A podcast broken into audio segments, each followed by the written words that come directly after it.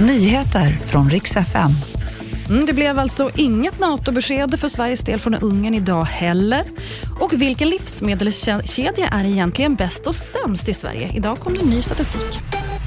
Idag dömdes tre personer för att ha planerat en mord. En 16-årig pojke och en 24-årig man döms för stämpling till mord och grovt vapenbrott. En 20-årig kvinna döms för medhjälp till brotten.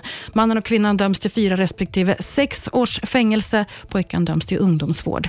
Pojken hade alltså fått i uppdrag att mörda en anhörig till Foxtrot-nätverket, men pojkens föräldrar anade oråd, larmade polisen som sen kunde stoppa och de inblandade greps. Inget NATO-besked från Ungern den här veckan heller. Oppositionen hade ju kallat till extramöte idag i frågan, men ingen från regeringspartiet dök ens upp, så omröstningen fick ställas in.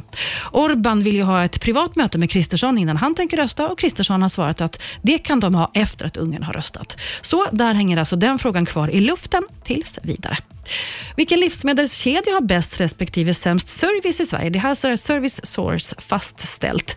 Bäst i test i år igen blev ICA med 70 procent av nöjda kunder. Längst ner blev Lidl med bara 60 procent nöjda kunder. Stort fokus på livsmedelspriserna har det varit senaste året efter alla prisökningar. Men det här verkar inte ha påverkat hur nöjda vi är. Generellt fortsätter det att öka varje år när det gäller service. Köpa mat är alltså dyrt, men ganska trevligt. Det var nyheterna och jag heter Maria Granström.